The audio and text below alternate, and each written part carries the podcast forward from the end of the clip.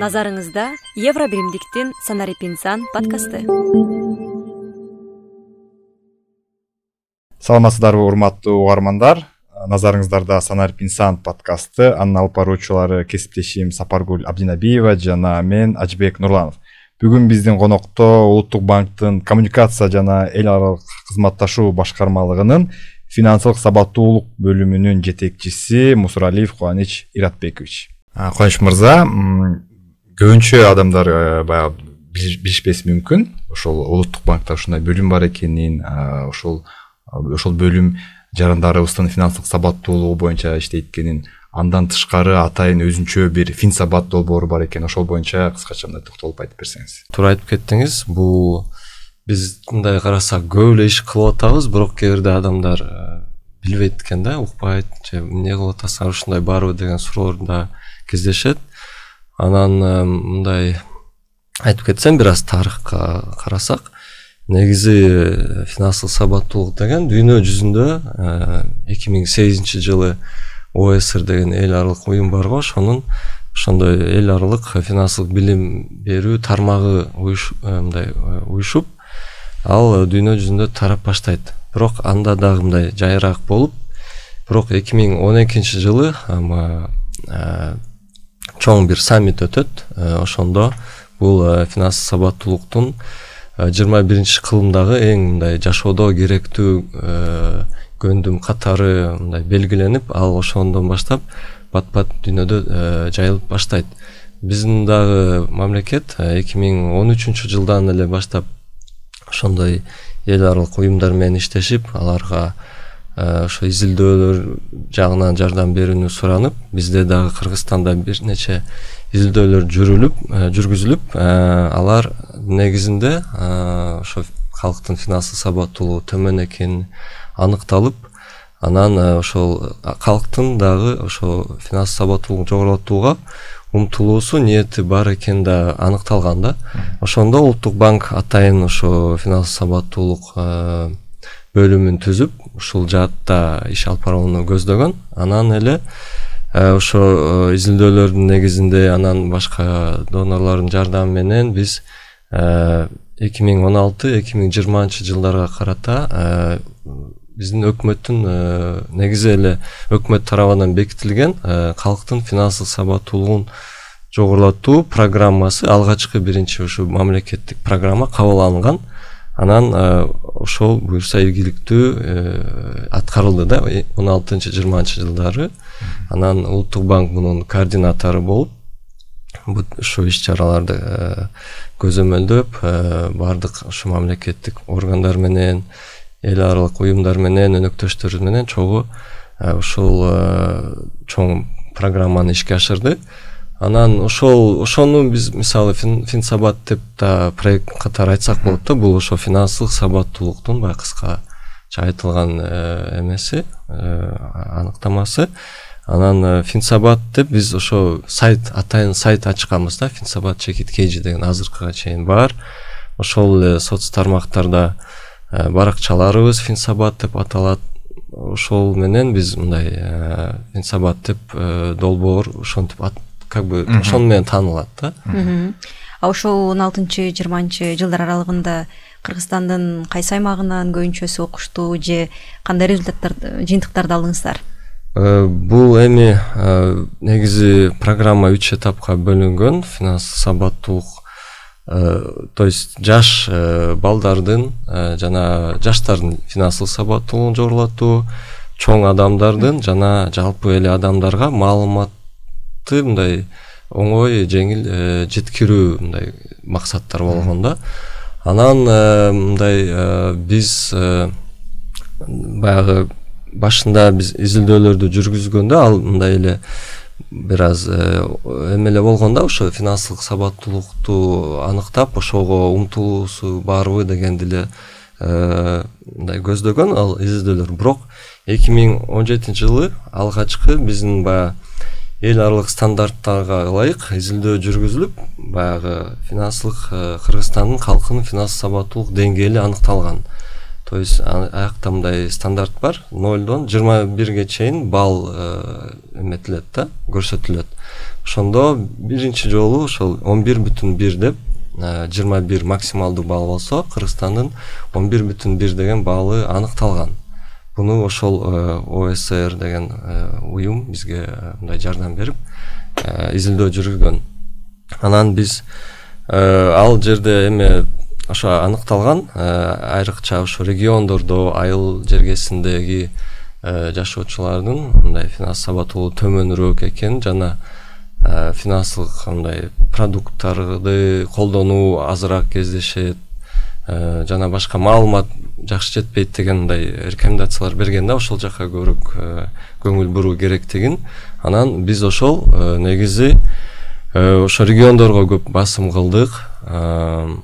Анан негизги бул эң биринчи программа болгондуктан бүт жагынан баягы иштеш керек болду да. Анткени бизде мисалы мектептерде программа жок болчу ошол жаат аны киргизиш үчүн э, билим берүү илим министрлиги менен иш алып барып стандарттарды кабыл алыш керек болчу. Ал э, эмне э, эмнени үйрөтөт эмне үчүн дегендерди ошонун баарын чогуу иштеп ал бир чоң иш болду. Мугалимдерди даярдаш керек болчу.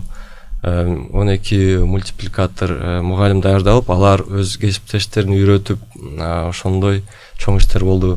Негизи чоң адамдарды үйрөтүш үчүн ошол э, тренинг э, өтүү үчүн модульдар даярдалыш керек болчу материалдар. Анан башка жагынан тренерлерди даярдаш керек болчу. В общем ошондой бир чоң чоң иштер жүргүзүлдү. Финсабат деген теле көрсөтүүлөр чыгып атты биз ушинтип э, радиого эфирлерге чыгып э, түшүндүрүү иштерин жүргүзүп келдик. Анан сизге дагы мындай кошумча маалымат. Ошол мисалы он жетинчи жылы изилдөө жүргүздү деп атпаймынбы ал ошол программанын баягы башкы этабында жүргүзгөн болуп калат. Анан эки миң жыйырма биринчи жылы дагы бир ошондой изилдөө жүргүзүлдү. Как раз программа бүткөндөн кийин э ошондо биздин э, кыргызстандын көрсөткүчү ошол баллы он бир бүтүн алтыга жогорулаган. Ошол э, ноль беш баллды э, баса белгилеп кетейин бул баягы финансылык аракеттер деген көрсөткүчтүн э, эмеси деңгээли көтөрүлгөн да. А ошол финансылык аракеттер бул ушул финанс жалпы финансылык сабаттуулук мисалы үч компонентте турса ал финансылык билим финансылык аракеттер жана финансылык мамиле. Ошол аракеттер бул эң негизги мындай компонент болуп эсептелинет да ошого биз э, мындай ойлойбуз бир аз иш жакшы эле жылып баратат деп биздин адамдардын эмеси жогорулуп жатат. Эми болсо биздин бир аз фокусубузду санариптик көндүмдөргө бурсак. Финансылык сабаттуулукту санариптик көндүмдөр аркылуу үйрөнүү канчалык мүмкүн жана буга кандай ресурстар бар азыркы учурда. Балким тоонун башынан балким айыл алыскы бир аймактан отуруп финансылык сабаттуулугун жогорулаткысы келген бирөө кайсыл ресурстар аркылуу жогорулата алат? Сиздерде даяр балким сунуштар бардыр. Мисалы ошол эле финсабат жекит kg сайты мобилдик тиркемеси. Ооба. Албетте азыр мен ойлойм бизде кыргызстанда мобилдик интернет боюнча мындай охват жакшы окшойт жакшы деп ойлойм э. Негизи анан баары эле бизде адамдар ютубта отурат фейсбукта отурат инстаграмда отурат э, анан ал жакта биздин финсабат баракчаларыбыз ошо бүт ошо фейсбукта бар инстаграм ютубта бар. Анан бизде баягы эң эле негизги ресурс ошо финсабат kg деген сайтыбыз бар. Ошол жака кирип э, ошол эле медиа клуб деген эмеде разделде жүздөн ашык видеолор бар. Толтура вообще статьялар бар. Ошонун баарын эле окуп адам өзүнөн өзү эле мындай өзүн мындай саморазвитие деп коет го. Өзүн өзү өнүктүрүү. дагы ошол финанс сабаттуулук негизи өзүн өзү өнүктүрүүгө дагы жакын деп ойлойм мен. Балким бул илимий же болбосо билимдик э, жетишкендик катары сертификат дагы берилиши мүмкүнбү ошондой дагы атайын бөлүктөр барбы сиздерде? Негизи биз ошо онлайн курсту биздин өнөктөштөр менен э, киргизгенбиз могу Э, мод деген эл аралык э, эмгек уюму. Ошо бизге кыргыз тилдүү атайын э, ошо онлайн курсту даярдап биз чогуу иштеп чыкканбыз. Ал биздин финсабат сайтыбызда бар. Ошол жака дагы окутуу деген бөлүкчөгө кирип ошол курсту дагы өтсө болот ооба аягында сертификат берилет баса мен дагы э, ошо финсабат чекит kg сайтынын колдонуучусумун активдүү анан мага жаккан мындай бир калькулятор дагы бар да финансылык сабаттуулук боюнча ошол боюнча абдан негизи кызыктуу. Э, ошол боюнча мындай э, сиз айтып берсеңиз дагы э, угуучуларыбыздын кызыгуусу артат деп ойлойм. Ооба негизи аякта ошол тесттер дагы бар баса калькуляторлор бар бул баягы инструменттер бөлүк эмесинде разделинде ошол калькулятор аркылуу сиз мисалы кредит мисалы алайын деп жатсаңыз ошол канчасы сумма сизге ыңгайлуу экенин эсептеп берет да. Канчадан төлөй аласыз э, ошо баардыгын э, ошо эсептеп берет. Анан депозиттик калькулятор бар ошол депозит акча топтоп ошол депозитке салайын деп атсаңыз ал жактан да сиздерге эсептеп берет кайсы э, банккабы кайсы проезд кайсы пайыз менен жана сизге канча аягында кошулат ошо акчанын баарын эсептеп берет. Ошол жагынан да мен ошо колдонуучусумун ошондой калькулятордордон карап мындай э, мен баардык э, угуучуларыбызга мындай сунуштайт элем да.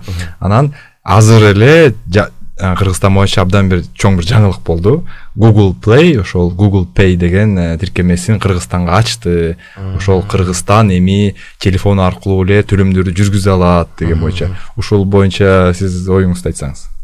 Негизи мен айтаар элем бизде ошол банктар аралык процессинг борбору деген э, мындай уюм бар. Алар ошо эл карт деген биздин улуттук система бар го төлөм система. Ошонун карточкаларын чыгарат. Анан алар уже э, буга чейин эле эл карт пей деген ушу э, функцияны чыгарган. Мен мисалы азыр ушул телефонум менен эле уже төлөп келатам да. Ушул жылдан баштап.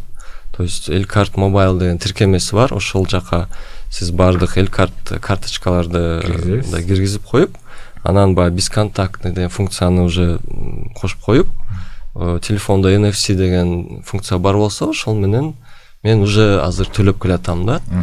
Бул абдан ыңгайлуу деп айтсам болот абдан мындай э, азыркы заманда уже мындай керектүү нерсе болуп калды. Анткени сиз э, мисалы карточканы же кошелекту бир жерде унутуп калсаңыз Э, уже телефон менен эле телефонуң эле керек болуп калат да любой магазинге барып төлөгөнгө анан азыр мындай байкашым боюнча биз азыр э, мындай накталай наличка колдонгон үчүн аябай көп мындай күтүп калабыз да. Кээ магазиндерде очередьте. Ошого мындай ушуну колдонууну баягы көбүн жаштарды да айрыкча чакырып келет. Ушул колдонуу ушундай баягы технологиялык жактан жүргүзүү финансылык сабаттуулукка дагы мындай таасир этеби албетте негизи ушундай ошо изилдөөлөргө ылайык. Негизи ушундай технологияларды колдонгон адамдын финансылык сабаттуулугу дагы жогорураак болот экен да. Санариптик финансылык сабаттуулугу же балким же балким мындай дагы айтсак болот да финансылык сабаттуулугу жогору адам ушундай технологияларды санариптик ушундай кызматтарды көбүрөөк колдонот деп да айтсак болот. Ошондуктан ал өзүнө көбүрөөк дагы ошо пайдалуу нерселерди алат экен жакшы мына ажыбек э, кубаныч баарыбыз билебиз. Финансылык сабаттуулук бул жашообуздун башка чөйрөлөрүнө таасир эте турган негизги тармак. Анан ушуну жакшыртуу үчүн өзгөчө элдин финансылык сабаттуулугун арттыруу үчүн мындан аркы багыттар кандай болуп жатат? Ошону менен эфирибизди жыйынтыктасак. Э, биз э, ошол эле баягы программа башталгандан бери эле ушундай элге жайылтуу маалыматтык жайылтуу кампанияларды өткөрүп келатабыз. Жыл сайын биз баягы жазында глобал money week дүйнөлүк глобалдык акча жумалыгы. өткөрүп келебиз. Бул эң чоң мындай широкомасштабный компания да. Баардык республикада баардык айылдарда кээ бир айылдарга чейин ушундай тренинг лекциялар өтүп келет биздин өнөктөштөр менен. Анан жакында эле биз дүйнөлүк каражат топтоо күнү деген чоң ири кампанияны мына э, өткөрдүк. Ал компаниялардын баардык максаты ошо финанс сабаттуулукту жогорулатуу э, мисалы каражат топтоо маданиятын калыптандыруу. Жана негизи эле адамдар ушундай э, акча каражатын туура колдонуу узак мөөнөттүү пландоо каражат топтоо жана финансылык максаттарды коюу ошолорго жетүүгө аракет кылуу деген бир э, ушул нерселерди түшүндүрүп келебиз. Анан э, ушул жаатта биз улантабыз. Азыр Э, мисалы биз финсабат деген теле көрсөтүүлөр чыгат биздин ктрк каналынан. Кандайдыр бир роликтерди э, чыгарабыз э, макалаларды жазып э, жатабыз. Биздин кичинекей э, мектеп окуучуларына да акча алипеси деген китептерибиз бар. То есть э, тренингтерди мына өтүп атабыз быйыл тогуз жүздөн ашык э, адам катышты дедик. То есть бул эки күндүк толук кандуу мындай оффлайн тренинг да биз жерлерге барып ошо тренерлер э, барып эки күн ичинде ушул бүт негизги маселелерди түшүндүрүп берет да то есть ушундай иштерди улантып келатабыз жана буюрса улантабыз деп э, ойлойбуз маегиңиз үчүн рахмат. Би- биз да ишенебиз. Э, санарип инсан долбоору финсабат баягы ушул долбоорлор аркылуу э, биздин жарандарыбыздын финансылык санариптик көндүмдөрү сабаттуулугу өркүндөйт деп. Рахмат. Рахмат